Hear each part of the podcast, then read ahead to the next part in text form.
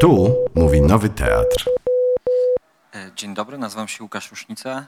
Jestem fotografem i kuratorem i dzisiaj będę miał przyjemność prowadzić spotkanie z Agatą Kalinowską. Dzień dobry.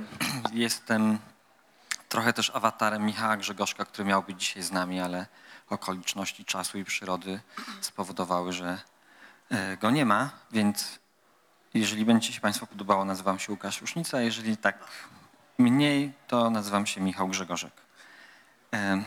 Agata, może powiesz parę słów o sobie, tak żeby Państwu się przedstawić?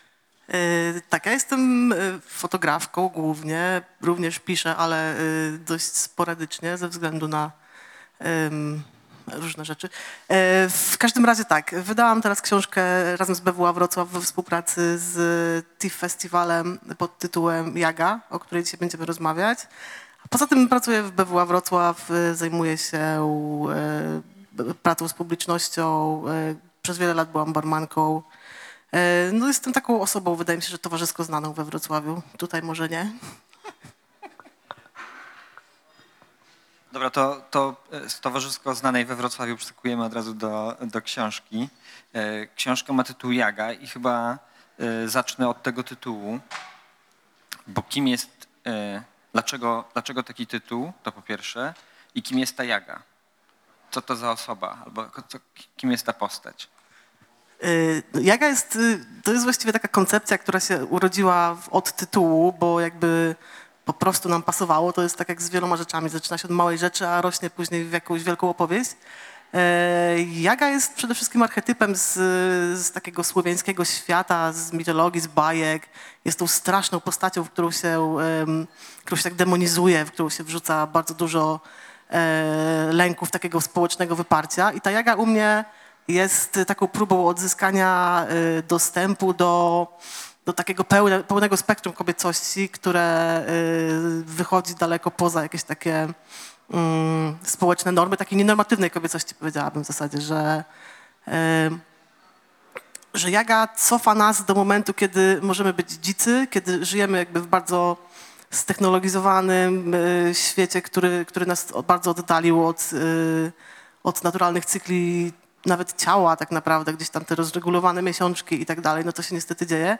E, I poprzez jagę ja próbuję znaleźć taką kobiecą siłę, takie źródło mocy, która jest w e, czymś pierwotnym, która jest, e, przynależy do porządku świata od zawsze. I tak naprawdę są różne e, etapy gdzieś tam w historii kultury i w, w różnych trendach, że tak powiem, kiedy ta jaga jest spychana, jest faworyzowana, jest zapominana i tak dalej, ale chodzi o to, żeby jakby znaleźć też dla siebie, ja też trochę mówię z perspektywy osoby, która jest w wieku średnim i, i znaleźć dla siebie jakiś taki archetyp, który, w którym ja się mieszczę, gdzieś jako taka osoba em, nienormatywna, która szuka sobie jakiegoś takiego wzorca, z którym mogłaby e, podążać dalej, bo tak naprawdę nie wiem, jak e, marzyć stara lesba, to tak za bardzo nie jest, e, nie jest nigdzie ujęte. Być może komicznie w internecie, na Instagramie jest e, profil dwóch takich starszych pań, 420 old, lesb, old fat lesbian, zdaje się, tak? Więc to jest jakby wszystko wyśmiane, a ja bym chciała mieć po prostu jakąś taką, mm, taką Marię Janion nad sobą, która czuwa i tak jakby... No dobra, ale, ty, ale właśnie y, z jednej strony mówisz, że jaga to jest y, taka pierwotna zasada, ale z drugiej strony w jakimś sensie cały czas ją opisujesz, na przykład mówiąc o wieku, tak? Mówiąc o tym, że ona jest postacią, która ma jakiś konkretny wiek. Więc jakby mogłabyś po pierwsze trochę ją bardziej opisać, tą jagę, którą nie wiemy czym jest albo kim jest, a też y, zastanawia mnie to, jak zmienia się od momentu, kiedy opublikowałaś książkę, twoja własna narracja na temat tego tytułu i tej postaci i kim ona była na początku i kim staje się teraz. Y, To ja powiem może tak, że jaga jest takim ideałem. To jest, ona jest na takiej linii, mm, w takim spektrum trochę, że kiedy mówię jaga o kimś konkretnym, to mówię o kobiecie, która potrafi, kobiecie, osobie kobiecej, która potrafi e, wycisnąć esencję z życia, która ma kontakt ze swoją intuicją, która ma dostęp do, do swojej mocy takiej kobiecej, której, której nam często się odmawia, ale kiedy mówię też y, o jadze, mówię też bardzo abstrakcyjnie, w sensie takim, że jest to taka idea, żeby tą kobiecość przywrócić, żeby ją y, rewitalizować, żeby ją tak w, wypchnąć i to też się dzieje jakby nie tylko przez moją książkę, to jest jakby ogólnoświatowy trend teraz, więc y, ja z Jagą też się w niego wpisuję, ale ciężko jest tak naprawdę w jednym, mm, w jednym koncepcie za, zawrzeć tą ideę. Wydaje mi się, że ona jest taka bardzo, sorry, że to powiem, rozlazła, w takim sensie, że ciężko mi się odpowiada na to pytanie po prostu, bo, y, bo dla mnie to jest jakiś taka, taki horyzont mocy po prostu gdzieś tam, jakiejś takiej kobiecej, No którą... Tak, ale teraz, dzisiaj, jak rozmawiamy teraz, w tym danym momencie, to mówisz ja o jadze i ona jest taką energią, tak? Nie jest kimś konkretnym, jest energią, jest pewną cechą pewnych ludzi, być może na szczęście albo dla ciebie by- byś chciała, żeby była twoją cechą. A pamiętam, nie 4, 5, 6 miesięcy temu, to Jaga była bardzo często bardzo konkretną osobą. Była kobietą starą, była kobietą starą i przez to niewidzialną, starą i przez to niewidzialną i wypartą, starą i przez to zepchniętą na margines tego, co w kobiecości jest wartościowe. I zastanawiam się, co się zmieniło, że z, z takiego opisu, kiedy ona była bardzo materialna i fizyczna, każdy mógł sobie ją wymyślić, że, że to jest kobieta bez dziecka, czyli niewartościowa, kobieta stara, czyli niewartościowa i tak dalej, i tak dalej, że ty nagle przytulałaś te wszystkie cechy, które dla... E, koniec końców pewnie okaże się na końcu, że dla takiego męskiego spojrzenia są nieatrakcyjne w, w tą postać, a teraz nagle ona jest tą siłą, która w pierwotny, niezdefiniowalny sposób jest bardziej połączona z jakąś gają, a nie z tym, co wyparte i nieakceptowane. Może to tak naprawdę ma źródło w jakichś moich prywatnych doświadczeniach, że mi w końcu z tą książką wyszło i po tych wszystkich latach nie, nie widzę tej po prostu smutnej Jagi, która siedzi w lesie, tylko jednak widzę Jagę, która wyszła z tego domku. E, no, ja wiem, że się plączę trochę w tych zeznaniach, zdaję sobie z tego sprawę. E, I to jest, e, no ja tak, to ja tak mówię, no w, Ale mnie jest, dla mnie to, to plątanie jest ciekawe. tak, bo Bo- to jest, to, się wszystko uzupełnia, to się wszystko dopełnia tak naprawdę. Wiesz, co chodzi, że razem z takim moim empowermentem y, ta opowieść też się zmienia, że staje się może mniej konkretna, może bardziej też jakby z odbiorem książki. Staje się czymś bardziej takim, y, co poszło w świat i, i co widzę, że daje ludziom moc, że, że jako opowieść y, bardzo fajnie siadło gdzieś tam w tych moich rejonach, nawet też towarzyskich, czy tam ludzi, którzy do mnie się odzywają, że, że oni widzą w sobie, w so- w sobie tę Jagę. To są ludzie, którzy, to są piękni ludzie, piękne kobiety w większości, które świetnie się realizują w życiu i, i ja może przestałam być taką pesymistką, może o to chodzi. A możesz wrócić do tego, do tego swojego smrodliwego bagna sprzed paru miesięcy, jak jeszcze książka nie była wydana albo była tuż przed wydaniem i, i możesz nam opisać, e, kim była ta Jaga wtedy? Bo mi się wydaje, że to jest coś, e, że jest w tym przejściu od... Dobra, ty na początku opisz, a ja powiem, co mi się wydaje No, dobra, nie, bo tak jak mówisz, Jaga też była taką figurą wypartą, bo gdzieś tam w tych bajkach, w tym w tych, takim społecznym e, odbiorze właśnie kobiet starych e, jest taki moment, kiedy kobieta przestaje być atrakcyjna, więc przestaje być użyteczna, bo przestaje rodzić dzieci.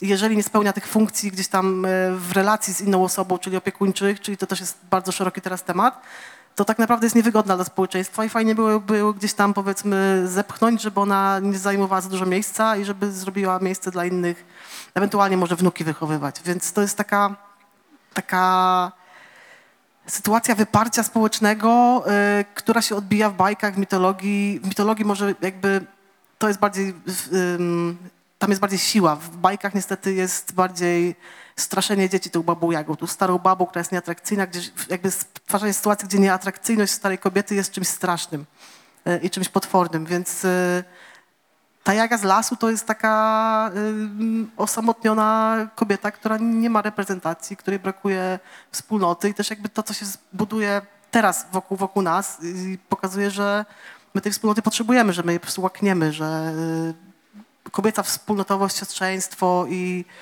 e, i jakby te ruchy, żeby wyjść poza jakieś takie myślenie o życiu jako sytuacji e, szukania związku, rodzenia dzieci i tak dalej, no spełniania jakiegoś tam konkretnego wzo- wzoru życia.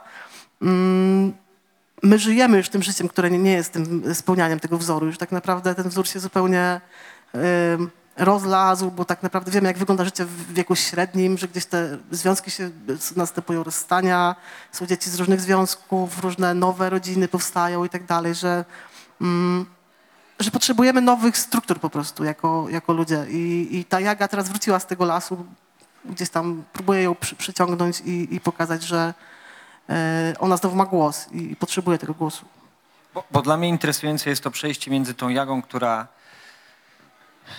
to przejście, które się wydarzyło na przestrzeni, nie wiem, ostatnich pięciu czy sześciu miesięcy, tak, odkąd książka jest, w, w tym, jak o niej opowiadasz, jako coś, co, e, co jest trochę zewnętrzne, jest tobą, ale tą tobą e, zewnętrzną wobec ciebie, tą tobą, która dopiero musi zostać podniesiona, tą tobą, która dopiero musi zostać doceniona.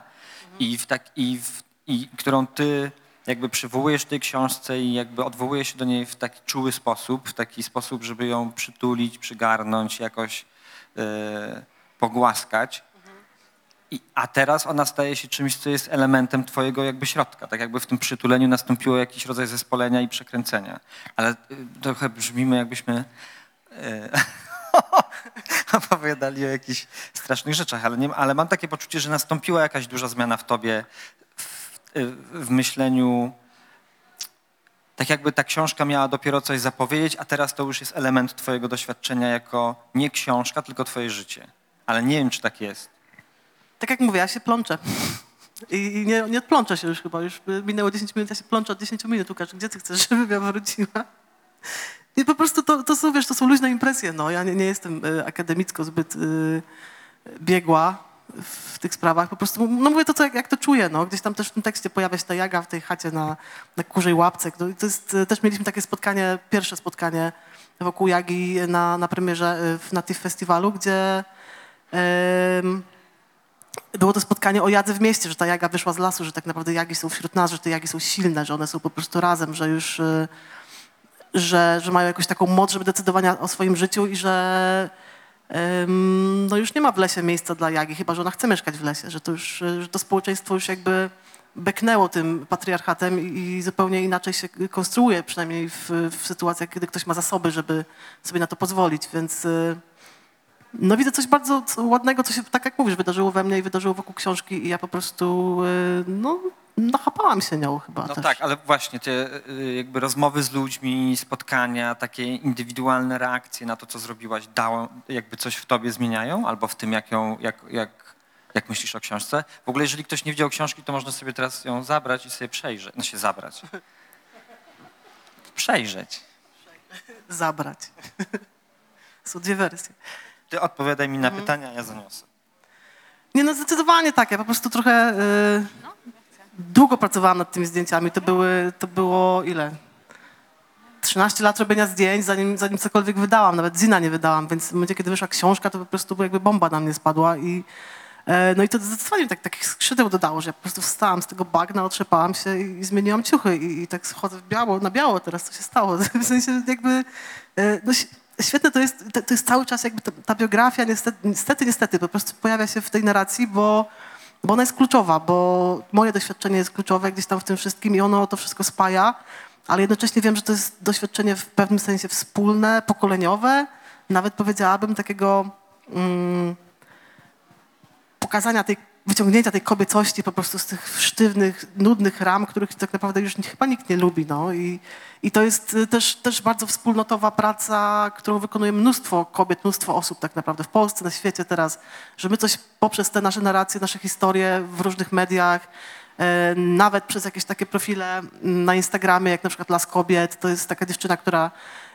żyje w Sokołowsku. Oczywiście do Sokołowska można mieć taki czy inny stosunek, ale ona tam e, no, czaruje z tych roślin e, i, i ma jakiś taki niesamowity kontakt z tą przyrodą, wśród której żyje, że my po prostu budujemy tą narrację od nowa i, i, i robimy taką siatkę dla przyszłych pokoleń, żeby te dzieciaki, które teraz chodzą po prostu na terapię i mają próby samobójcze i tam się jakieś, w tym pokoleniu się dzieją jakieś straszne rzeczy, żeby one miały gdzieś spaść, żeby one po prostu nie, nie rozbiły się o skały, tylko żeby ta siatka tam była, więc my coś pleciemy i, i ja widzę w tym taką właśnie kolektywną robotę, już teraz bardziej, nie? Że, yy, a nie, nie, już nie do końca, to też jakby nigdy nie była biograficzna do końca książka, ale już nie widzę tego jako ja i Jaga, tylko jakby ja i jako część czegoś większego. No tak, mówisz o kobiecości, a my mamy em, chyba nie jedną taką przygodę, że jak byliśmy gdzieś razem w sklepie na przykład, tak? I, i rozmawialiśmy z panią sprzedawczynią, to ja byłem e, proszę pani, a do ciebie było proszę pana i ty byłaś dużym dresiarzem, a ja byłem małą dresiarką. Z brodą. Nie, akurat miałem długie włosy chyba wtedy, więc pewnie też stąd po... Więc e, te nasze relacje z, z męskością i kobiecością nie są jednoznaczne i, i są może nie skomplikowane, ale nie są jednoznaczne. Więc jak, jak ty widzisz swoją, swoją y, jakby swój taniec z kobiecością, tak? Jak, jak ty się w niej odnajdujesz i jak ty, jak to, jak ty myślisz o kobiecości gdzieś się w, w tych zdjęciach i w Jadze ob, obnaża albo pokazuje, albo jakoś odsłania? Albo co tobie odsłoniło? Y, Mi zdecydowanie y, Jaga odsłoniła taką queerową stronę, jakby queerowość jako opcję w byciu kobietą, że jakby poszerzyło que- queerowość. Nie powiedziałam brzydkiego słowa. Y, w takim sensie, że, że ta kobiecość może być interpretowana, miksowana, w sensie można się ładnie ubrać i się pożygać na imprezie i nic się nie stanie. W sensie takim, że jakby no, mamy ciała, które reagują na, na to, co w nie wlewamy na przykład, no, niestety. Ale y, może to nie jest dobry przykład, ale też y, chodzi o to, że może to zależy chyba od środowiska, w którym ja przebywałam, bo jakby przebywając, pracując za barem w takim dość mm, No bo ty lubisz w ogóle tą... e, Lubię tą opowieść, tak. Tak, o- o lubisz Warówie, no. e, demonizować albo tak jakby dramatyzować swoje bycie e, za barem, że ta praca barmańska to jest też praca taka na granicy, to jest szara strefa, na granicy przestępczości, złodzieje, prostytutki, pracownicy seksualni, pijacy, że ty lubisz taki... Ja lubię brud, no, lubię ten brud życia i on mi tam jakby zawsze towarzyszył, tylko że teraz, no, nie znam już takiego baru, który tak wygląda, jak wyglądał ten bar, w którym ja pracowałam tyle lat, bo on też się zmienił, się zrobił bardziej elegancki, ale tam, tam były bardzo proste podziały na męskość, kobiecość, w takim sensie, że mm, kobiety wyglądały w jakiś sposób, kolesie wyglądali w jakiś sposób, ci ludzie byli raczej elegancko ubrani, ale w tych takich konwencjach, Więc jak ja tam stałam za tym barem, no to podchodził ktoś do mnie i mówił, proszę pana, już nawet nie, nie, nie, y, nie poprawiałam, tylko odruchowo chowałam cycki, nie? Żeby już po prostu trzymał się tej wersji, żeby po prostu nie dyskutował, bo o tym mi się nie chciało, nie? Bo to było strasznie męczące. Mm, Więc ta kobiecość jakby to, proszę pana, przestało być moim kompleksem też jakiś czas temu, bo po prostu spotkałam ludzi, którzy mają ten sam problem i się z tego śmiejemy, że mam, mam teraz współlokatorkę, która jest bardzo queerowa i, i mówi, że mówią do niej Seba i ona trochę wygląda jak Seba, bo się ogolija na łyso.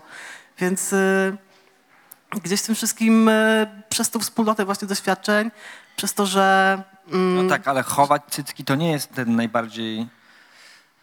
To nie jest to doświadczenie, które jest doświadczeniem budującym, tak? Nie, to jest doświadczenie dla świętego spokoju, wiesz? Po prostu, bo jak siedzi ktoś pijany przy barze i przez 10 minut y, próbuje rozkminić, jakie jesteś płci, to jest, to jest po prostu męczące, bo słyszysz to jednym uchem, a musisz pracować, musisz się skupić i po prostu jest to, y, wyprowadza cię to z równowagi, nie masz czasu o tym dyskutować z tymi ludźmi, nie? Więc to raczej w ten sposób, no i też jakby a propos toalet, wydaje mi się, że to jakby toalety też y, bardzo mnie poryły, bo raz byłam w, w na jakiejś imprezie i w obecnym surowcu wrocławskim swoją drogą. Tam była jakaś taki, taka knajpa w międzyczasie i, i tam w damskiej kolejce do toalety była strasznie długa, ona się ciągnęła chyba na 10 metrów, to te laski mnie tak po prostu ścięły. No mówię, dobra, to idę do męskiej. Stałam w tej męskiej, ci kolesie mnie ścieli, mówię, dobra, to idę do domu, bo muszę siku. I, I jakby, no tego już nie doświadczam. Może coś się faktycznie w takiej świadomości społecznej zmieniło razem z takim Wydaje mi się, że, że po tej sytuacji z Margot, y, po tych marszach y, o, o uwolnienie Margot, coś takiego pękło, jakaś taka, jakiś taka, taki balon z ropą i ta ropa się po prostu wylała i ludzie sobie zdali sprawę, że ta ropa, y, ropa, może nie, może nie wiem, coś kolorowego, brokat, powiedzmy, cokolwiek, bo ropa brzmi źle, ale, ale jakaś taka, mm, bardzo mocno wzrosła świadomość różnych opcji identyfikacji y, tożsamościowych i Tak, bardzo zmienił się język. tak. I to było bardzo gwałtowne. To było takie, że to czekało, czekało, czekało, że wybuchło po Tak, prostu. I- ale jak ja mówię o, o tym geście chowania cysków, o tym, co powiedziałaś, i to też myślę o, nie wiem, może bardziej symbolicznie o tym, że jednak jesteś w sytuacji opresyjnej i to, wiesz, bieganie od kibla do kibla i wychodzenie do domu, żeby się z, e, wysiusiać, e, że jest cały czas w, tej, w tym, co mówisz, jednak jakiś rodzaj traumy, tak? I zastanawiam się, na ile ta trauma, jak- jakby wyrażona w, teraz w, w historii o chowaniu cycków i, i, chodzeniu do toalety, ale jednak na ile ta trauma jest obecna i na ile ta trauma później się w jadze y, odreagowu, odreaguje, odreagowuje. Chyba wiem, jak na to pytanie odpowiedzieć. To jest, to, to mam chyba dobrą odpowiedź, bo mi się wydaje, że tutaj chodzi bardzo...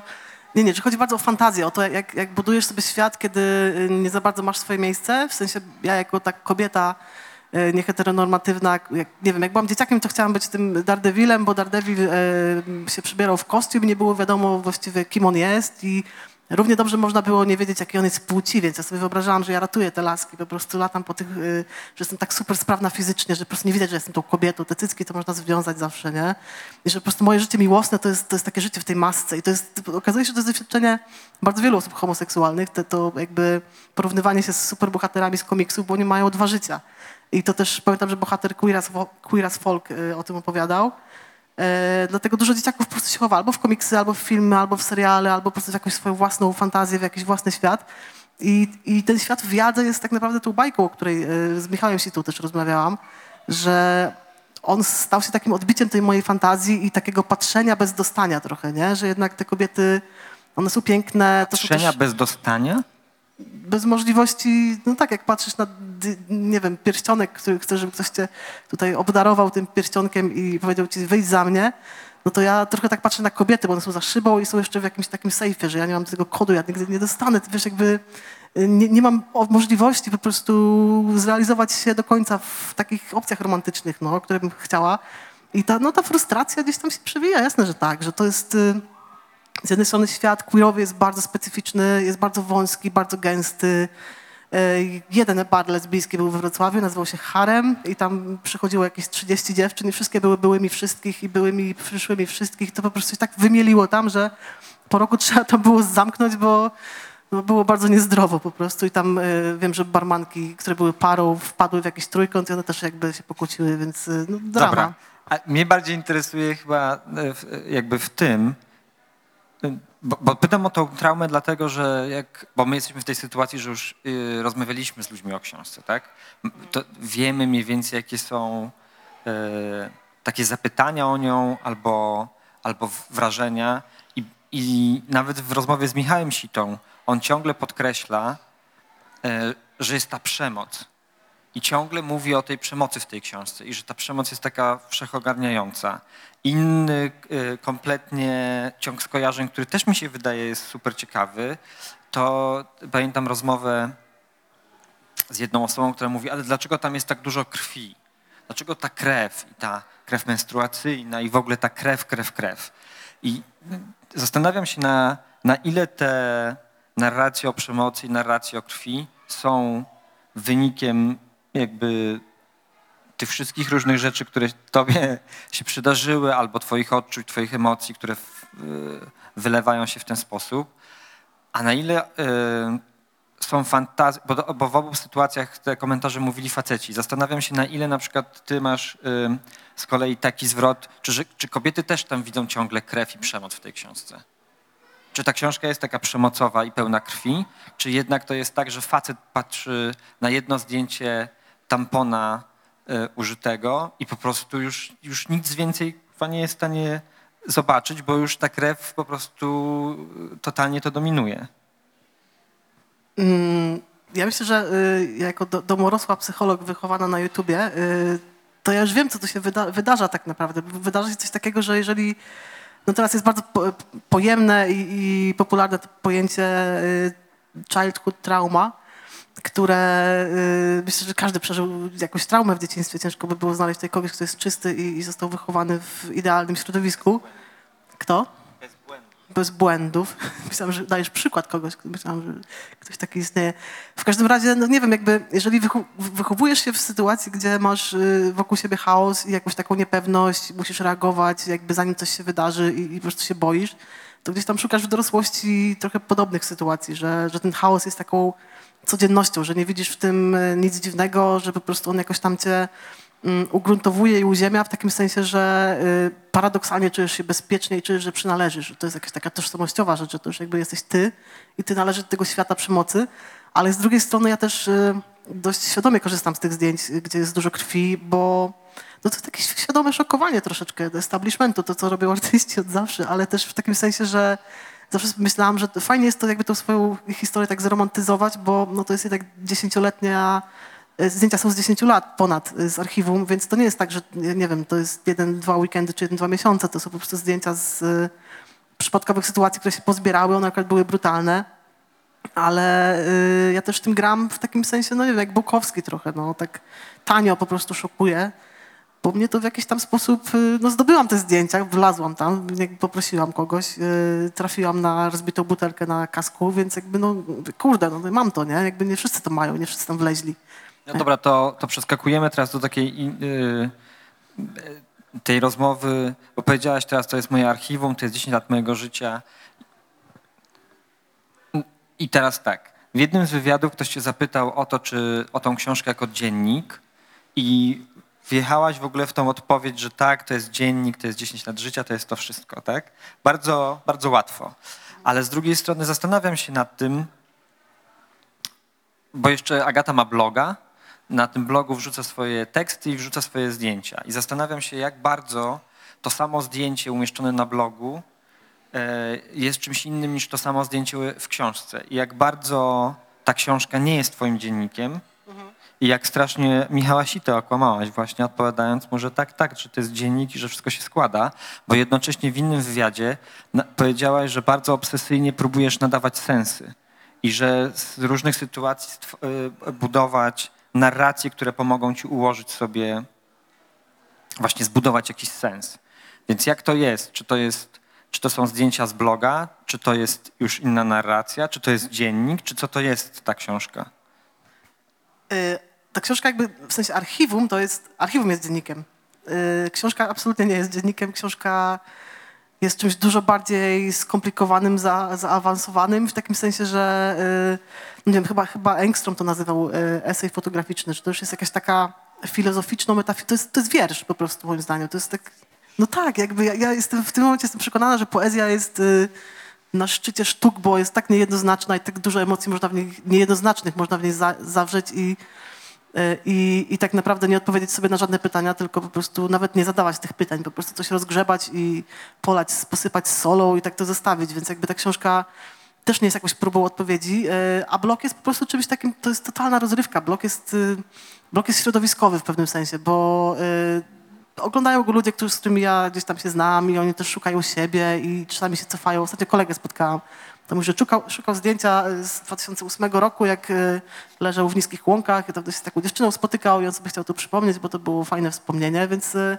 jest takim archiwum też lokalnym, takim y, mm, awanturniczym archiwum trochę. Może teraz przestaje być czymś takim, bo ja coraz bardziej pracuję nad tymi zdjęciami, żeby one miały zupełnie inną dynamikę właśnie w tych parach, nie? że um, bawię się sensami i to wtedy zaczyna już wychodzić poza biografię, ale to jest ciągle wspomnieniowe, to jest ciągle należy do pewnego okresu, a w momencie, kiedy powstaje książka, zresztą y, my pracowaliśmy nad nią razem z tobą. Tak. Tak, Łukasz jest y, kuratorem Jagi, warto wspomnieć, y, bo jest po prostu ojcem chrzestnym, bez którego to wszystko by nie powstało, bo jestem obrzydliwie leniwa. I i my budujemy już tak naprawdę coś, co, co ma tak, zahacza o filozofię, o jakąś taką, o jakieś takie doświadczenie transcendentne, które, którego się nie nazywa, że jakby też czasami są sytuacje w tej książce, które są gdzieś tam dla mnie nawet, yy, widziałam ją już wiele razy, ale są takim, jakimś takim przeżyciem. I tutaj chodzi o to przeżycie, o, o włożenie w nią tak wielu tych, tych metafor, tych takich y, haczyków, że, że ludzie mogą ją przeżywać. E, i, i że mogą znajdywać w niej to, co my tam ukryliśmy, bo my tam poukrywaliśmy trochę, bardzo dużo zresztą, w tej sekwencji, w, w tych połączeniach zdjęć, w, nawet w wielkości. Poukrywaliśmy taką linię emocjonalną, po której ktoś może iść, ale ktoś może po, zupełnie po swojemu to odczytać, więc jakby to teraz dzisiaj oglądaliśmy książkę właśnie innego autora, dostaliśmy tutaj od y, menadżera, tylko szybko stop, powiem. Stop. Nie, chodzi o to, że oglądaliśmy ją od końca, wiesz co chodzi? I tak Łukasz mówi, Boże, to my się tak napracowaliśmy, pracujemy tyle, żeby ta sekwencja miała sens, a wszyscy książki oglądają od końca, bo to są wielkie knigi i po prostu łatwiej jest przelecieć od końca do początku niż odwrotnie, więc um, sekwencja jest super ważna. To nie jest tak, że to jest losowy zbiór zdjęć, że to jest, y, to jest biografia, że to jest jakaś, nie wiem, um, zbiór ludzi, których poznałam, bo to, to by było zbyt płaskie, nie? że to już totalnie wychodzi w jakiś taki... Mm, no w takie opus magnum trochę moje powiedziałam. Nie, Nie? nie, Nie? bo, bo, bo No ja już tak czuję. strzelasz sobie w kolano wtedy. Tak? W takim sensie, że już nic więcej nie zrobisz. Jak to jest twoje opus magnum, no to już po prostu nie masz gdzie pójść. życia. Co? Z danego okresu życia, później będzie kolejne. Cała biblioteka moich opus magnum. Agata Kalinowska. Nie, no, trzy książki pewnie zrobię w całym życiu, później y, to jest ciężkie i czasochłonne i okrutnie ciężka praca fotograficzna, żeby mieć na czym pracować, więc... Ja jak próbowałem komuś e, e, wyjaśnić, czym jest ta książka, bo właśnie e, my wpadaliśmy w takie też pułapki językowe, tak? I na przykład dla mnie słowo archiwum jest naszą największą pułapką i największym błędem, bo od razu usta- ustawia tą sytuację po pierwsze lokalnie i w takiej relacji do autora, że to jest tylko o autorze. W sensie, że to jest tylko, że to jest tylko właśnie kronika twojego życia i, i czasem się wtedy zastanawiasz, yy, dlaczego twoje życie, ja kiedyś usłyszałem tak o swojej książce, Łukaszowi się wydaje, że ma interesujące życie. Strasznie mnie to zabolało. A o tej Przecież pierwszej, tak? tak? Jest. Ale o pierwszej książce, tak. Em, Bo, bo bardzo łatwo pomylić biograficzność jakby z inną wypowiedzią, która żeruje właściwie na naszych biografiach i, i biografię wykorzystuje i przekręca. Ale w, więc e, archiwum, jakby takie queerowe archiwum z Polski, bo to było za granicą, w ogóle nie, nam nie siadło. W ogóle ludzie nie wiedzieli, jak na to zareagować, uciekali. I jak ja strasznie próbowałem znaleźć jakiś taki szybki chwyt, żeby kogoś tak, żeby on zrozumiał, żeby we, wszedł sobie po prostu w tą książkę i ją spokojnie oglądał, to skojarzyło mi się to z, e, ze słowem medytacje, że to są takie medytacje o kobiecości, ale od razu jak to mówiłem medytacja o kobiecości, to od razu miałem takie poczucie takiego średniowiecznego manuskryptu, takiej powagi, że to są takie zastanowienia, to są takie rozmyślania o. Ale gdzieś na pewnym poziomie to są właśnie takie rozmyślania o, e, które otwierają się ba- bardzo klasycznie, bo my chyba, my, najbardziej chyba taka e, sytuacja, która zapowiada queerowanie i taką queerowość całej tej książki, to jest jej niedopasowanie tego obrazu fotograficznego albo te- pewnego stylu fotograficznego, czyli takiej traszowej fotografii z całą jej fizyczną obecnością, że to jest taka rzetelna książka z piękną okładką, ładnym papierem i tak dalej. Możesz trochę też y, tutaj Państwu opowiedzieć o tym? No tak, no ja, ja robię zdjęcia w takim stylu snapshotowym. Często są palce w kadrze, yy, są jakieś brudy na skanach, które staram się usuwać. Akurat palcy w kadrze nie chciałaś mieć na zdjęciach. Nie Tego chciałam, się ale już, obawiałaś. już mi się to nawet podoba. No. Po prostu jakby wszystko, co odbiega od jakiejś takiej klasycznej fotografii, która pamiętam, że mnie mierziła, że jak ja zaczęłam robić zdjęcia, to ten taki, to nasycenie kolorami, te takie najtańsze triki, jakieś takie idealne kadry, które po prostu ślizgasz się po nich i zapominasz o zdjęciu, że gdzieś tam, albo takie zdjęcia sępów, ja na to mówię, takich dziennikarzy fotograficznych, którzy po prostu się rzucają na taką sytuację, gdzie, gdzie jest y, jakaś po prostu akcja i, i to zdjęcie widać, że no nie ma duszy po prostu, no, gdzieś tam dziennikarstwo jakoś fotograficzne jest dość ok- okrutne moim zdaniem, w sensie teraz to się zmienia oczywiście, są super agencje, ale, ale taka tradycja dziennikarstwa fotogra- co, strzelam sobie w kolano znowu, tak? Ym, no nie wiem, po prostu jakby ja, ja pracuję z y, małoobrazkowym aparatem y, już chyba 65 w moim życiu i te zdjęcia są robione na zasadzie sytuacji, ja bardzo szybko muszę ten aparat wyjąć, zrobić zdjęcie y, i trafię albo nie trafię. To zazwyczaj jest jedna szansa, bardzo często po prostu nie, nie trafię, nie zdążę, nie? I, I te zdjęcia są naprawdę brzydkie, brudne przez to, że mi się spieszy. I, I to jest taki styl, żeby złapać emocje, żeby złapać sytuację, żeby złapać e, coś takiego niesamowitego, co się dzieje. I to jest naprawdę milisekunda. Czasami łapię takie afterglow po tej sytuacji. To afterglow się okazuje dużo bardziej ciekawe niż, niż ta sama sytuacja, ale sam styl i sam jakby mm, sama praca jest taką pracą, jaką na przykład wykonywał Da- Dash Snow trochę, że to jest jednak brud, te palce na tych y, niecierpliwie suszonych po prostu polaroidach, których się nie suszy podobno, to jest jakieś super faux pas. Teraz się tak nie robi. Y, never shake on a polaroid picture jest takie hasło. I, I ta taka niecierpliwość i, i to właśnie mm, szukanie trochę zaczepki może tymi zdjęciami też w pewnym sensie. I to, że te, te zdjęcia są włożone w taką formę klasycznej książki, że są na, na grubym, świetnym papierze, takim lekko e, kremowym, jakby to powiedzieć, jest takie... Ajwory. Ajwory, Kość tak. słoniowa. Tak. E, I że one, ma, one nabierają zupełnie innej gęstości przez to. One stają się, przez to, że też mają te białe ramki, przez to, że są, e, są różne style zdjęć tak naprawdę, bo te ostatnia seria portretów to już jest zupełnie inny styl niż, niż ten tr- tra, traszowy, snapshotowy. No tak, ale to też jest czas, bo, bo rzeczywiście to archiwum, to archiwum, ja raczej myślę o tym, że to jest taki zasób, z którego korzystaliśmy, to jest zasób, który zaczął, zaczęłaś e, jakby budować 10 czy 12 lat temu. Te ostatnie zdjęcia zostały wy, jakby z, zrobione tuż przed, przed drukiem. I zasługą, znaczy taką osobą, która bardzo mocno wpłynęła i właściwie wymyśliła w pewnym sensie e, to takie podniesienie fizyczne książki, była e, projektantka tej książki, Gata Bartkowiak. Dokładnie i właśnie to sparowanie z Agatą Bartkowiak, która, e, która już pracowała na materiale, tak naprawdę ona st- stworzyła tą książkę, w, tak jak powiedział Michał Sita, trochę jako taką, że jemu to przypomina taką mm, edytowaną, li, li- limitowaną edycję baśni braci Grimm, że tam jest jakaś taka groza, ale też właśnie to jest taki, widać, że to jest drogi papier, że tą, tą mm, że tą powagę w tym widać, że to jednak jest, jest o czymś, że jednak e, ta, ta forma nadaje tym zdjęciom jakby, że wy, wyciąga je z tej zinowatości, z tej punkowości, z tego po prostu rynsztoka. Niekoniecznie rynsztoka, po prostu też jakby wyciąga je z tej stylistyki, w której jakby to wszystko powstało i, i robi z tego jakąś taką mm, transgresję. Nie wiem, czy to jest dobre, dobre określenie w tym momencie, ale e, no bawi się tym, bawi się tym e, wkładając te zdjęcia w, w jakąś taką elegancję, która do nich zupełnie nie pasuje. To jest jakby ubrać e, przepraszam, bezdomnego w, futro z norek. To troszkę coś takiego troszeczkę. I, i to, jest, to jest moim zdaniem świetny zabieg. Właśnie przez to Jaga jest trochę bajką. Też jakby przez zabiegi Agaty, które ona zastosowała. Przez to, że przez też zabiegi, które ty, ty zaproponowałeś z, ze zmniejszaniem zdjęć. Wydaje mi się, że tam przez ten oddech To też się- Agata. Agata, tak? No ja sekwencję, ona te rytm. Dokładnie, więc jakby przez to to się stało takie mm, mniej in your face, bardziej takie otoczone tym, jeszcze przez ten papier po prostu jakby otoczone taką aurą y, jakiejś takiej powagi i, i wzniosłości. Już szukałam słowa na szybko.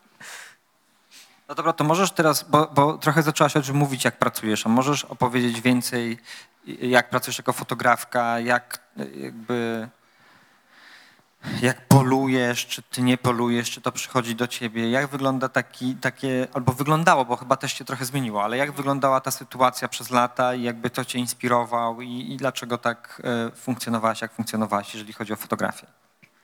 Właśnie moja inspiracja weszła, Karolina Zajączkowska. No ja zaczęłam robić zdjęcia przez, y, przez Karolinę Zajączkowską w zasadzie, która wyszła. Naprawdę. y, zaczęłam, y, bo obejrzałam Laban i myślę Boże, to jest mój język, no ja Bo szukam to jest też języka. ciekawe, że to jest, że to jest, e, Karolina też jest Wrocław i to jest dla mnie bardzo ciekawe, że jak się mówi o blogach, to e, i takiej fotografii blogowej i takiej właśnie mały obrazek Miu albo coś takiego, to się Kuba Dąbrowski jest tą sytuacją, która, do której się zazwyczaj odwo- odwołuje, a jednak e, ta zwiewna dziewczyna jest dla wielu osób tym, od czego się zaczęło.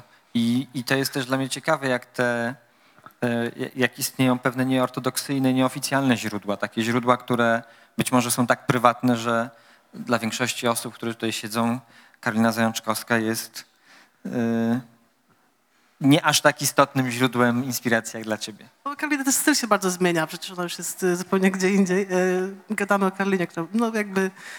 To opowiedz, opowiedz o początkach, opowiedz o tym wszystkim.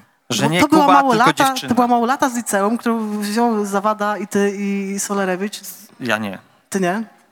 I ona robiła zdjęcia, na przykład jak wjeżdża dziewczyna na wózku, nieostre zdjęcie, to jest jedno z takich zdjęć, które ja strasznie lubię, gdzie ją palcami pokazują na korytarzu szkolnym i to jest nieostre zdjęcie i rozumiesz, ale sytuacja tam jest. Więc jakby dla mnie to był taki moment, kiedy myślę, dobra, to nie musi być ładne, to nie musi być ostre, to nie musi być idealne, to po prostu chodzi o to, że tam jest ta sytuacja i patrz, ja pamiętam to zdjęcie, nie pamiętam miliona pięknych, idealnych zdjęć, jakie w życiu widziałam, pamiętam tamto konkretne, nie? To jest z książki Przedwiośnie. Karolina zrobiła tą tak. książkę, jak była w ogólniaku w trzeciej czy drugiej klasie. Książki nie znacie i żałujcie, bo jest naprawdę super. Tak, więc, y, więc to mi dało do myślenia, że po prostu, mm, że ta energia, której ja szukam, ta szczerość, ta, ta po prostu, to polowanie, o którym mówisz, y, ono nie, musi, nie musisz być tym sępem, możesz być po prostu osobą ze środka, która z, jakby wcho- jest w tym środowisku i po prostu je- je portretuje i, i coś zachowuje dla tego środowiska, również te brzydkie rzeczy. I te brzydkie rzeczy są oczywiście dużo bardziej interesujące. No i to, a jak wygląda praktyka? Masz aparat w domu, ja mam aparat w domu i jak idę robić zdjęcia, to muszę wziąć aparat. To jest święto, on jest ciężki, on jest skomplikowany i jakby poświęcam na przykład 4 godziny na to, tak? Ale później przez dwa tygodnie nie mam go w ręku. Jak Mhm. jest z tobą? No ja noszę w tej mojej torbie pełnej y, różnych niespodzianek y, aparat, który jest, to jest chyba ostatni kontakt w tym smutnym kraju, który po prostu drży o ten aparat, więc jakby jak pada deszcz, to go nie biorę. Jak noszę y, maślankę, to też go nie biorę, po prostu mam jakieś takie lęki, że mi go zaleje, więc y, też robię coraz mniej zdjęć tak naprawdę, no bo mniej Ale jak robiłaś? Jak robiłaś? Jak robiłam? wyglądał proces? Mamy tylko 10 minut. Jak wyglądał Okej, proces no. zdobywania materiału? No to jest co, ta, aparat w bojówkach, yy, ustawiony na szybkie włączanie, już bez zaślepki, która i tak zawsze ginęła po tygodniu. Yy, I no jestem sobie, rozmawiam z ludźmi i po prostu łypię, nie?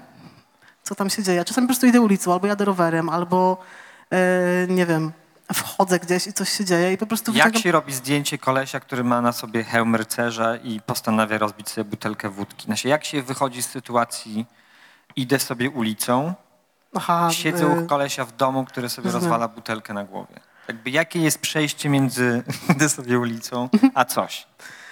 No to zazwyczaj są imprezy, które po prostu trwają.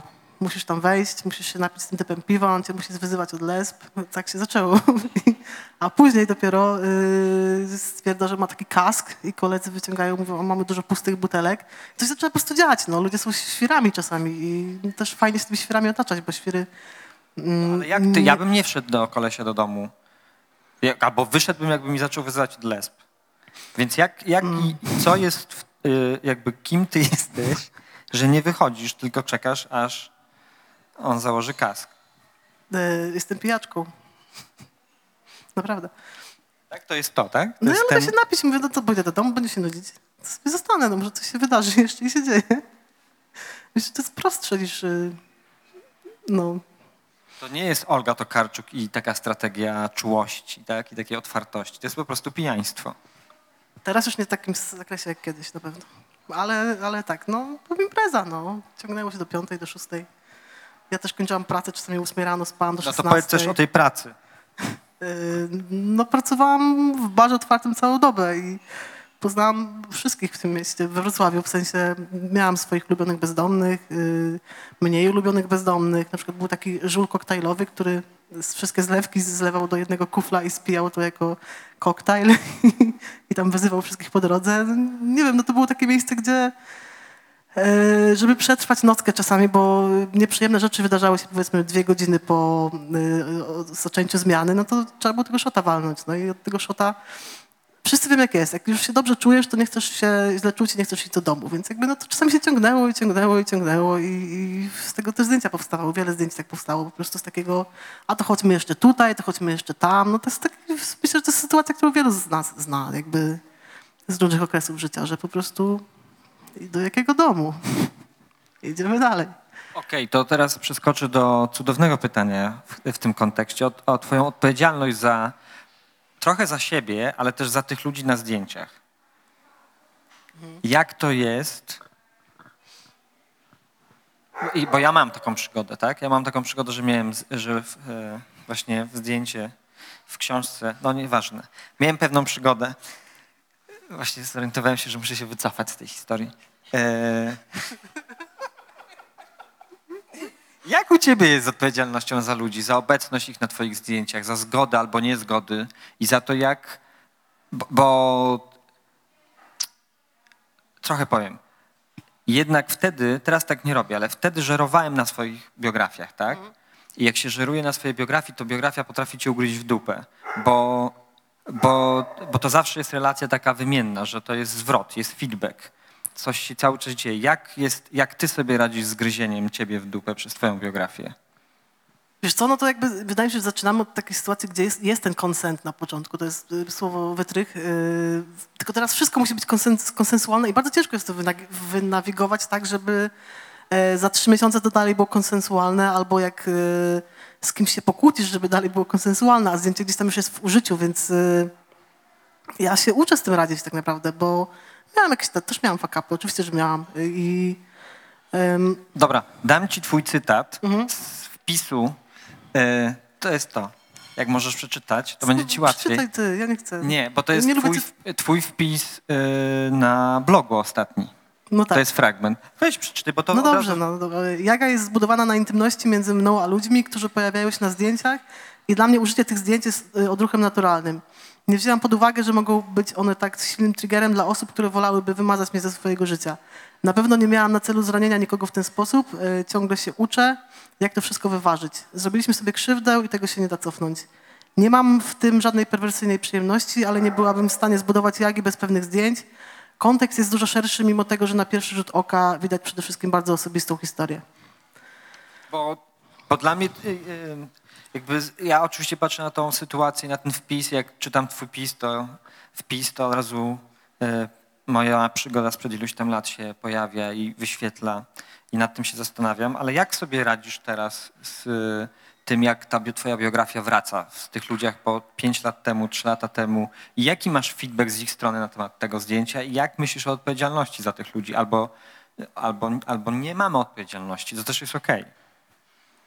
Wiesz co, myślę, że tutaj mówienie o, o czystej etycznej postawie jest bzdurą, bo, bo to naprawdę chodzi często o relacje, że jakby kiedy te relacje są na jakimś takim etapie, y, gdzie wszystko jest okej, to te zdjęcia też są okej, są, jest okej, że są używane i ktoś y, daje ci zgodę, mówi dobra, używaj, ja chcę, żeby wszystko było dla ciebie jak najlepiej, a w momencie, kiedy ta relacja się rozwala i tam zaczynają konflikty, to te konflikty zaczynają się odbijać na zdjęciach. I ja sobie myślę, że to są tylko zdjęcia. W sensie, ja wiem, że one są... y, są mocne niektóre i są bardzo intymne, ale to są tylko zdjęcia. Mi się wydaje, że one są po prostu jakimś takim, mm, taką kością tego konfliktu, gdzie konflikt jest tak naprawdę trochę gdzie indziej.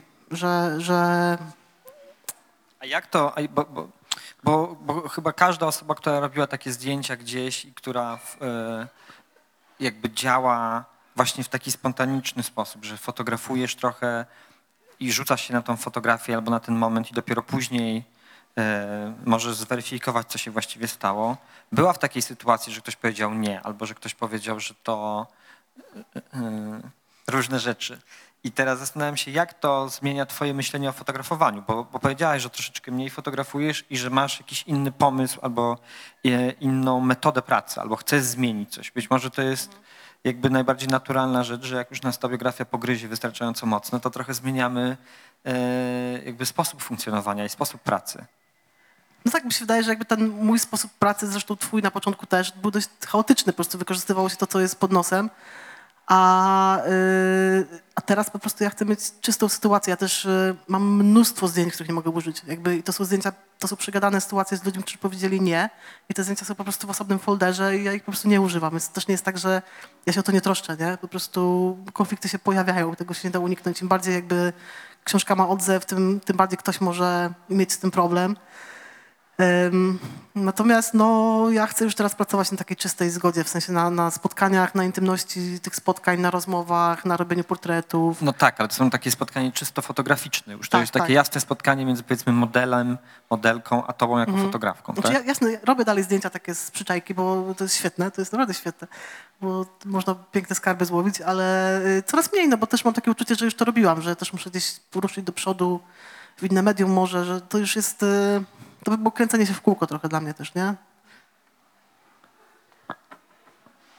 Dobra, mamy 10 minut do końca. Znaczy 10 minut. Mamy 10, mamy 10 minut.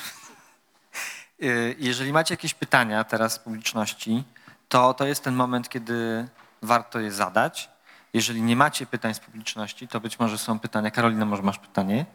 To może są jakieś pytania od naszych ym, obserwatorów przez internet, więc Każde pytanie jest na wagę złota. Jeżeli ktoś przed chwilą jeszcze nie miał pomysłu na pytanie, to zachęcam go, żeby jednak znalazł. Bo Agacie będzie przykro. Nie, nie będzie mi przykro, y, ale jakby tak będzie mi przykro. Ale nie będzie mi przykro, ale będzie mi przykro. Nie, nic się absolutnie nie stanie. Y, To jest pierwsze spotkanie wokół książki fotograficznej, z tego co wiem, tutaj w Nowym Teatrze, więc y, ja zachęcam na pewno do y, interesowania się tym medium, bo ono bardzo jest chwalone, zwłaszcza te nasze polskie wydawnictwa, y, przez zagranicznych krytyków. Łukasz też jest To autorem. jest najważniejsze. autor reklama. E, Łukasz też jest autorem e, wspaniałych publikacji. e, Więc e, dobrze, za- za- zabija mnie zręczną ciszę. Nie mam pytania, tylko chyba komentarz. E, Jak wspominałaś, e, zastanawialiście się, jak nazwać te, e, ten moment przejścia, odchodzenia po ulicy do wejścia do czy- czyjegoś domu i dlaczego w zasadzie to się tak ciągnie i ciągnie. E, No to wydaje mi się, że to można nazwać afirmacją życia. I dzięki temu po prostu możesz robić tak dużo różnych zdjęć i masz z tego fany i po prostu to leci. Tak, jest to, jest to na pewno bardzo piękny eufemizm na pijaństwo. Dziękuję. Nie, naprawdę, to jest w tym jakaś taka y, dzie- dziecinność oczywiście, no, taka, taka ciekawość i takie... Mm, no i, też y, styl życia, bo jakby ja wstawałam czasami o 16, więc ja miałam mnóstwo energii, żeby całą noc przebiegać, więc tak. Dzięki. Ja w ogóle nie powinnam się wypowiadać, bo jestem absolutną psychofanką tej książki. I Łukasz, wybacz, przy całej miłości do twojej książki uważam, że to jest książka z zeszłego roku, fotograficzna. Nie będziemy się kłócić o to. E, I ja ją oczywiście czytam na różne sposoby, ale mówiliście o krwi e, i mówiliście o tych komentarzach ze strony mężczyzn. Nie wiem, czy to byli cis mężczyźni, hetero mężczyźni. Ja uważam, że mężczyźni się tej książki w ogóle boją. Że ona jest brutalna, dla mnie ona jest o kobiecości w ogóle. O kobiecości taką, takiej, jaką znam też, e, ale kobiecości zamiecionej pod dywan, o której się nie mówi, jest cholernie wyzwalająca. Naprawdę cholernie wyzwalająca. I ja mówię z perspektywy osoby, która funkcjonowała trochę w świecie hetero, trochę w świecie niehetero. I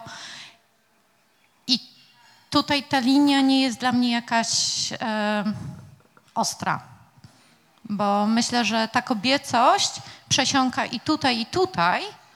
E, I tak, jest, jest tą kobiecością, której się nie wystawia w ramkach, bo jest niewygodna. Em, nie wiem, jakie ty masz e, wrażenie co do tego świata e, nie hetero, bo on jest też bardzo, bardzo różny, e, ale też trochę bardziej normatywny. Jak, jak, jakie wrażenie odnosisz? Czy, czy jakby to, co tam zaistniało na poziomie wizualnym w Jadze, może też dotyczyć e, tego świata, który e, nie jest nieheteronormatywny, jest jak najbardziej heteronormatywny. Dziękuję w ogóle za te piękne komplementy. Myślę, że jak najbardziej, że, że to są takie marginesy trochę y, naszego życia, o których, które potrzebują osób, które po, powinny je opisywać. W takim sensie, że mm, może Bukowski jest tutaj słabym przykładem, ale jednak był, on był konsekwentnie tym po prostu e, żulem, skandalistą, pijakiem. To jest bardzo... Mm, bardzo mało subtelna postać i bardzo taki maczystowski. Może, może powinnam mieć, nie mam niczego, nikogo innego teraz w głowie, sorry, po prostu chodzi o to, że wyciągam Bukowskiego, bo, mm, bo on przez to się dostawał do tych jakby sytuacji rynsztokowych i e, takie na, nazywam zbiorczo. I myślę, że jest bardzo dużo brudu w naszych życiach, jakby w, w życiach wszystkich, które, jest, które są zamiatane pod dywan i dlatego, żeby, nie wiem, rodzina była zadowolona, dlatego, żeby jakieś tam pozory stwarzać, żeby te social media się kupy trzymały, że po prostu... A wychodzenie z tym, jakby pokazywanie tego brudu jest bardzo wyzwalające, tak jak mówisz, że jest wyzwalające w takim sensie, że okej, czasami jest bardzo ciężko, czasami jest strasznie, czasami po prostu mam ochotę się zabić, czasami mam wrażenie, że moje życie nie ma sensu, czasami jest wspaniale, czasami to nie jest jakiś borderline, to jest po prostu nasze życie. Wydaje mi się, że wszyscy tak mamy, że zwłaszcza jak, jak y, brakuje tej struktury właśnie w tych y, nie do końca heteronormatywnych sytuacjach y, życiowych, to tam się czasami można ześliznąć po prostu na samo dno i trzeba się po tej płaskiej ścianie wspiąć do góry z powrotem, więc y, niemówienie o tym wydaje mi się, że jest po prostu nieszczere. Że trzeba wyciągać ten, tą traumę. No. I też mi się wydaje, że bardzo dużo osób, które mają doświadczenia z, z tej drugiej strony tej nieheteronormatywnej, to są osoby, które doświadczają, doświadczyły, doświadczają dużo przemocy, takiej wtórnej, nie takiej z dzieciństwa, tylko że ta przemoc po prostu jakby mm, jest, jest, jest systemowa w Polsce, jest obrzydliwa. Jest obrzydliwa na poziomie właśnie tej przemocy wobec kobiet, to co się dzieje teraz, jest obrzydliwa na poziomie przemocy wobec osób LGBT i ta narracja, której my słuchamy, te, te, te jakieś po prostu morale, e, lesbo do gazu było napisane u mnie nie, całkiem niedawno, na, e, nie do mnie personalnie, ale po prostu na mojej ulicy. E, To jest coś, co nas dotyka bardzo osobiście, bo to jest, to jest coś, z czym osoby, które się wychowały z doświadczeniem nieheteronormatywności, mm, zbierały się do kupy, po prostu ja się zbierałam do kupy wiele lat, żeby móc stanąć i powiedzieć, dobra, jestem lesbą, jest okej. I ktoś mi po prostu w momencie, kiedy ja jestem w średnim wieku i powinnam się tym życiem cieszyć i cieszyć się sukcesami, ktoś mi mówi, że powinnam iść do gazu? No nie, to jest po prostu, to jest... y, Z Beatą kiedyś zresztą szłyśmy ulicą i nadjechał ten płodowóz, który akurat wtedy, e, mm, jak to się mówi, e, nadawał, nadawał jakiś komunikat o tym, że, że homoseksualiści są brudni w dużym skrócie i że po prostu roznoszą choroby i musiałyśmy usiąść po prostu, to było straszne. To jest straszne, jakby i, i trzeba o tym mówić, trzeba mówić o brudzie i trzeba mówić o pięknie, nie? Więc jakby wydaje mi się, że to trzeba wszystko najlepiej do jednej książki wrzucić po prostu, no bo tak jak wydaje mi się, mam nadzieję, nam się udało, no. Mogę jeszcze jedno? Bo em, tam oczywiście jest narracja. My też mieliśmy dosyć długą rozmowę po tym, jak pierwszy raz jakoś rzetelnie e, obejrzałam em, książkę, ale mm, czy, ja, e, czy ja też dobrze odczytuję to, że mm, ta emocja wyzwalająca em, trochę bazuje na tym, że em, my jako kobiety, niezależnie od tego, czy właśnie hetero, nie hetero, jesteśmy troszeczkę wrzucone w to męskie spojrzenie. A ta książka sprzedaje w e, taki bardzo ładny sposób e, faka tej męskości maczystowskiej, e, tej męskości takiej już anachronicznej i według mnie ją trochę obśmiewa. e, Co, ale w, właśnie w taki bardzo delikatny sposób. E, Czy, I unieważnia. Unieważnia to męskie spojrzenie. E, Czy, czy to było Twoim celem też? Czy, czy tego w ogóle Ty nie czujesz, a ja to tak odbieram i odczytuję? Nie, to było celem zdecydowanie, tak. Yy, W pracy z Łukaszem też to wyszło. Ten rozdział o facetach był, Łukasz mówił o nim rozdział o Jamesie Bondzie, że po prostu idziemy w taką stereotypową stronę męskości i pokażmy jakby za tego Jamesa Bonda, za te wszystkie odcinki, pokażmy yy, w końcu jak kobiety mogą spojrzeć na facetów. Jakby zróbmy to samo z facetami, nie?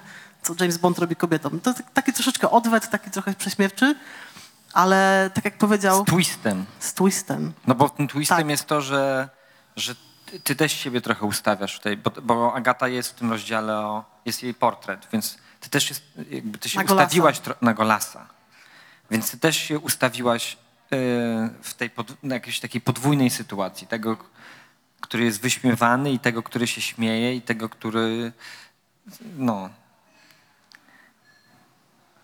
Tak. Więc twist.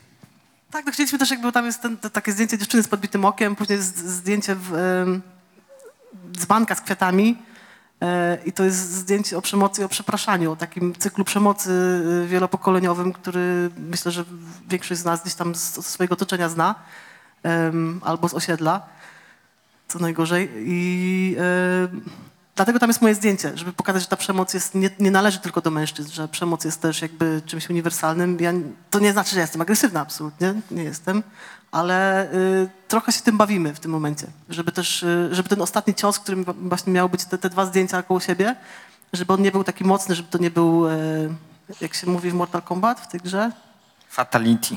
Właśnie, fatality, żeby to nie było coś takiego, bo to byłoby zbyt y, też płaskie chyba, no. My się tym zabawiliśmy celowo, ale, ale tak. Ale to jest chyba rzeczywiście bardziej unieważnianie niż wyśmiewanie. Takie, no, wymazywanie. No, no, no, no,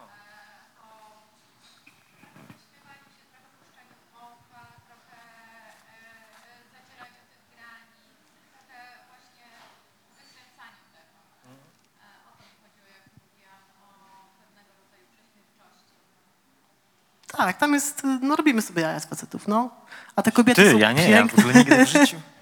A te kobiety na końcu, jakby to też sekwencja jest taka, jest taką sekwencją nadziei o tym, że o kontakcie, o, o tym spojrzeniu wzajemnym na siebie, o, y, o takiej czułości i, i o tym, jak któryś z recenzentów powiedział, napisał, że y, świat jest kobietą i nie ma żadnych innych opcji, że po prostu to jest kobiecy świat, że to jest ta bajka o, o tym, że nagle świat zaczął należeć do kobiet jest trochę ładniejszy dzięki temu, być może. I oczywiście to jest idealizm, y, ideał i dlatego to jest bajka, ale no, dążymy do tego, mam nadzieję, w jakimś tam stopniu, żeby przynajmniej to wyrównać, żeby, żeby ta czułość gdzieś tam mm, dostała się do tego nieszczęsnego dyskursu publicznego i, i trochę tych troli wszystkich po prostu może, bo to jest jakby, to jest całość, to jest ogromny konglomerat po prostu agresji, przemocy i nienawiści, frustracji i, i tego wszystkiego, co w ludziach drzemie, który się wylewa po prostu żółtą rzeką. I fajnie byłoby znaleźć w sobie inne odpowiedzi na, na te frustracje i na te bolączki niż y, Niż krzyki w Nienawiść, pociągu no. na przykład. właśnie. Kto dzisiaj krzyczał w pociągu, Łukasz? Nie mówcie o tym. E, To ja mam, to nie jest pytanie, to też jest komentarz, a chyba to też jest trochę takie pociągnięcie e, kwestii tego, mm, bo mnie to też to zastanawia, dlaczego u części ludzi ta książka wywołuje reakcję odrzucenia, taką potężną reakcję odrzucenia, czasami powiedzianą wprost i powiedzę, co to za krew menstruacyjna się tu wylewa, co to w ogóle ma być. A czasami to jest takie delikatne milczenie, i jakby odsunięcie tej książki tak na stolik dalej. Jakby niby nic, ale jednak wiesz, wiesz o tym, że to jest jakby cancel. I, I jakby to jest oczywiście ta kwestia anulowywania męskości, to wszystko w tym jest, ale jest też tym e, coś, co chyba też tutaj padło, czyli to, że ta książka nie poddaje się w łatwy sposób kategoryzacji. To czy nie można powiedzieć łatwo, że to jest archiwum, które, nad którym była praca i teraz to jest tak skonstruowane. Nie można powiedzieć, że to jest książka o lesbijkach tylko, to, bo to nie jest książka o lesbijkach tylko. Ona, to jest dla mnie super interesujące, w jaki sposób ty fotografujesz, jakby znajdujesz też w, jakiejś, w czymś, co ja nazywam niszą nisz, a jednocześnie nie, w żaden sposób nie wypadasz w jakieś klisze. Że, mog, że jak słyszę książkę o kobiecości, to sobie wyobrażam, że to zaraz krąg powstanie. I tutaj będziemy mieli po prostu rozmowy, czułość, delikatność, całą tą serię takich rzeczy, które teraz w tej ezofazie wypłynęły ogromnie. I okej, ja, nie, ja nie mam z tym żadnego problemu, ale łatwo sobie wyobrazić, że to wpada w to. Ale Tak, tak, rzeczywiście to, ale to może niepotrzebnie, ale nie zmienia to faktu, że, że ty w to nie wpadasz. I, te, I cała ta książka jest taka, że te zdjęcia są trochę jak takie wibrujące hologramy. Że wiecie, że tak, jak się przesuwa głową, to się obrazek zmienia za każdym razem. I ja mam poczucie, że cała ta książka taka jest. Że ona się nie poddaje ani razu jasnej klasyfikacji i jasnemu określeniu, czym jest. I, no i to jest dla mnie ogromna wartość tego. Tak, Dziękuję.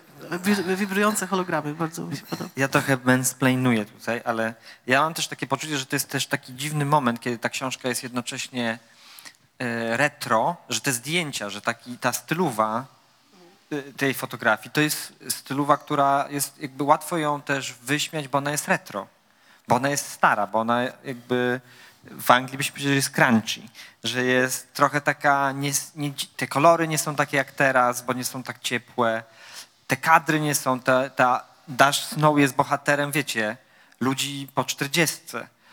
I z jednej strony mamy to, że ona jest trochę jakby za stara, że ona jest trochę spóźniona. Może drugiej- jesteśmy jak grunge. tak, że ona jest taka właśnie trochę jak grunge, tak? Ale z, a z drugiej strony mam wrażenie, bo rozmawiałem o tym właśnie z Michałem Grzegorzkiem, którego awatarem też dzisiaj jestem, i on zaczął e, e, mówić o euforii, czyli tym takim e, serialu HBO, który teraz ma swój drugi sezon. I ten drugi sezon jest skręcony na filmie i, i znów pewne wątki, pewne wizualności się pojawiają w tym serialu dla... Znaczy to jest taki serial dla młodzieży, nie dla młodzieży, trochę dla nas starszych, żebyśmy się byli oburzeni, trochę dla tych młodych, żeby mieli taką fantazję o młodości, ale jest takim czymś, co jest bardzo aktualne i nagle te, ten styl myślenia, ten cały e, film analogowy i tak dalej, i tak dalej, że te rzeczy wracają. I w tym sensie ona jest też w takim punkcie, że być może za jakiś czas jest pomiędzy trendami. Jest trochę grunge'em, a trochę przyszłą płytą Britney Spears. W sensie, że jeszcze nie jest ani tu, ani tu i przez to też wydaje mi się, że może być e, to, powodować, że, że ona jest taka niejasna. Zobaczymy, co będzie z nią za rok, albo za dwa, albo za trzy, jak pewne e, wizualne e, narracje, wizualne schematy wrócą. Albo się znów objawią, tak? I nagle się okaże, że Agata, no po prostu jesteś w trendzie jak nikt. Ale ten trend właśnie, e, uważam, że w ogóle Euphoria jest serialem pokoleniowym, że to jest serial, który e, wszystkie dzieciaki oglądają, w sensie, że wszyscy go oglądają. To jest coś, to jest fenomen po prostu. E, I to, o czym też właśnie z Michałem rozmawialiśmy, że, ten, że te, to kręcenie na, na błonie fotograficznej nam się kojarzy z, z subkulturą skate'ów, z queerem i z rave'em. Że to są jakby takie trzy sytuacje, gdzie wiem, wykorzystuje się klisze tak naprawdę gdzieś tam bardzo intensywnie i one trochę przynależą i to są bardzo cool miejsca, to są bardzo fajne, bardzo fajne, nowoczesne, nowoczesne, nie nowoczesne, po prostu jakby bardzo fajne miejsca, żeby te zdjęcia y, sobie funkcjonowały, więc y, Bo ta klisza była wtedy, kiedy te subkultury albo te zjawiska powstawały, a wszystkie te zjawiska potrzebują tradycji. no tak. Wiem, o czym miałem powiedzieć i teraz sobie przypomniałem, jak powiedziałem o tradycji. I znów Michał Grzegorzek i BWA i Karol Radziszewski, jego, jego film, który był pokazywany we, we Wrocławiu. E, Taki film o wrocławskim fotografie, który e, jeździł na podrywy do jednost- jednostek wojskowych, takich, które były żo- żołnierzy rosyjskich, którzy, tfu, tak, rosyjskich żołnierzy, którzy byli sobie w W koszarach. w koszarach, które były na terenie Wrocławia. I to rzeczywiście było takie, to jest już taki wątek, który w Lubiewie się pojawia w języku, że oni tam jeździli, wyrywali tych młodych żołnierzy i tam z tymi młodymi żołnierzami spędzali czas. I Karol Radziszewski z- znalazł kogoś, kto miał dostęp do archiwum pewnego mężczyzny, który fotografował tych młodych żołnierzy. Dostał dostęp do tego archiwum i na, w oparciu o to, o to archiwum zrobił film, który jest też historią o tamtym czasie, o tamtym fotografie, o tym, jak to archiwum funkcjonuje i tak dalej, i tak dalej. Ale jak się zastanawiałem nad tym, y, tak dla siebie, to też jest dla mnie e, historia o tym, że potrzebujemy e, własnych praszczurów. Znaczy, że budujemy sobie takie genealogie, budujemy sobie tradycje, w której jesteśmy w stanie się osadzić i która nam pomaga zrozumieć samych siebie i jakby iść dalej, tak? I zastanawiam się, na ile to, co o tym mówisz, o tych trzech subkulturach i o tym, jak ta fotografia analogowa nie jest też takim, takim, e, taką próbą osadzenia się w tradycji. Taką próbą złapania, bo to, jest coś, to są młode zjawiska w miarę, więc one nagle w tej fotografii znajdują e, taki model pamiętania siebie i, um, umacniania siebie i budowania własnej tradycji. I ja nie wiem, czy, czy rzeczywiście jest tak, że homoseksualni mężczyźni i kobiety nie używają fotografii cyfrowej. Nie mam pojęcia, czy to prawda.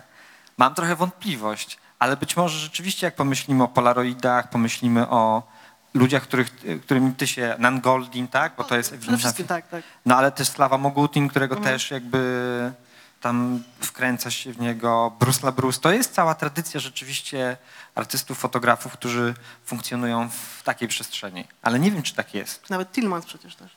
No tak, Tillmans tak, też. To to jest taka rozkmina po prostu, rzucona, niech, niech sobie wisi. Ale myślę, że jest ciekawa. Mnie bardzo jara. Euforia mnie bardzo jara, drugi sezon na kliszy. Na pewno. No to nic, to chyba, to chyba kończymy głębokim poleceniem dla drugiego sezonu Euforii. I książki. E, I, Łukasza. I, I też e, wszystkich tutaj obecnych, nawet siedzących daleko, zapraszamy tutaj do księgarni, żebyście sobie przejrzeli, zobaczyli książkę. Może kupili. Agata jest jeszcze tutaj przez chwilę, więc może dać autograf, więc wartość wzrośnie.